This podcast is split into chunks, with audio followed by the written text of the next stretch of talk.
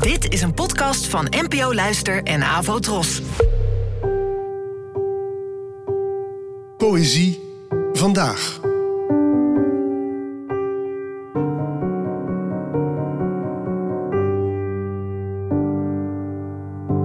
Hallo, dankjewel dat je luistert. Het gedicht van vandaag is geschreven door Ellen Dekwits, geboren in 1982 en het is afkomstig uit haar debuut De Steen vreest mij uit 2011. Maar hij wilde het zo graag, dus ik kuste hem. Het water kloste al op zijn enkels kant, het soort waarvan vitrage wordt gemaakt. Hij zakte. Luchtkralen snoerden zich aan elkaar vast. Ik bleef nog heel lang bij de rand. Mijn rug jeukte. Ik dacht, nu komen vast mijn vleugels door.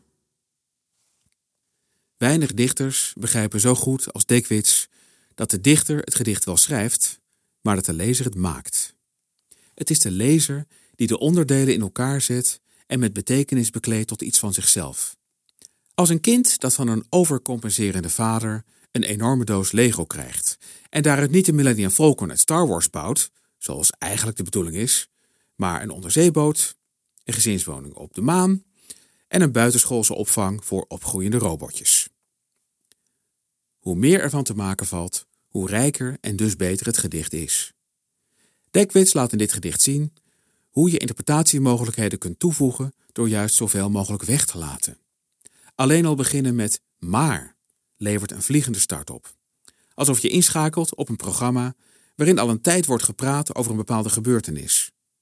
Een kus, kennelijk op de een of andere valreep, want niet lang na de kus zakte hij al uit het zicht tot de snoer van luchtkralen, wat bij mij een Titanic-achtig scenario oproept, terwijl dat nergens heel duidelijk staat. In ieder geval blijft de ik nog heel lang op de plek van de kus en krijgt een beloning, of mijmert erover, voor de kus in de vorm van vleugels, waarmee die ik, voor mij is het een vrouw, mede doordat mijn hersens er Kate Winslet van hebben gemaakt, maar dat staat nogmaals nergens. Ik doe het zelf. De dichter heeft alleen de woorden maar aangegeven. Ik bedenk dat je met vleugels juist kunt stijgen. Al kun je ook bedenken dat een engel worden ook een eufemisme is voor alsnog het loodje leggen. Al is de ik er wel redelijk monter over aan het vertellen. Waar die ik zich dan bevindt en wie er precies wordt aangesproken, is ook iets wat de lezer helemaal zelf mag weten. En zo kun je veel meer constructies van betekenis bouwen met dit meesterlijk compacte Lego-setje van niet meer dan 51 woorden.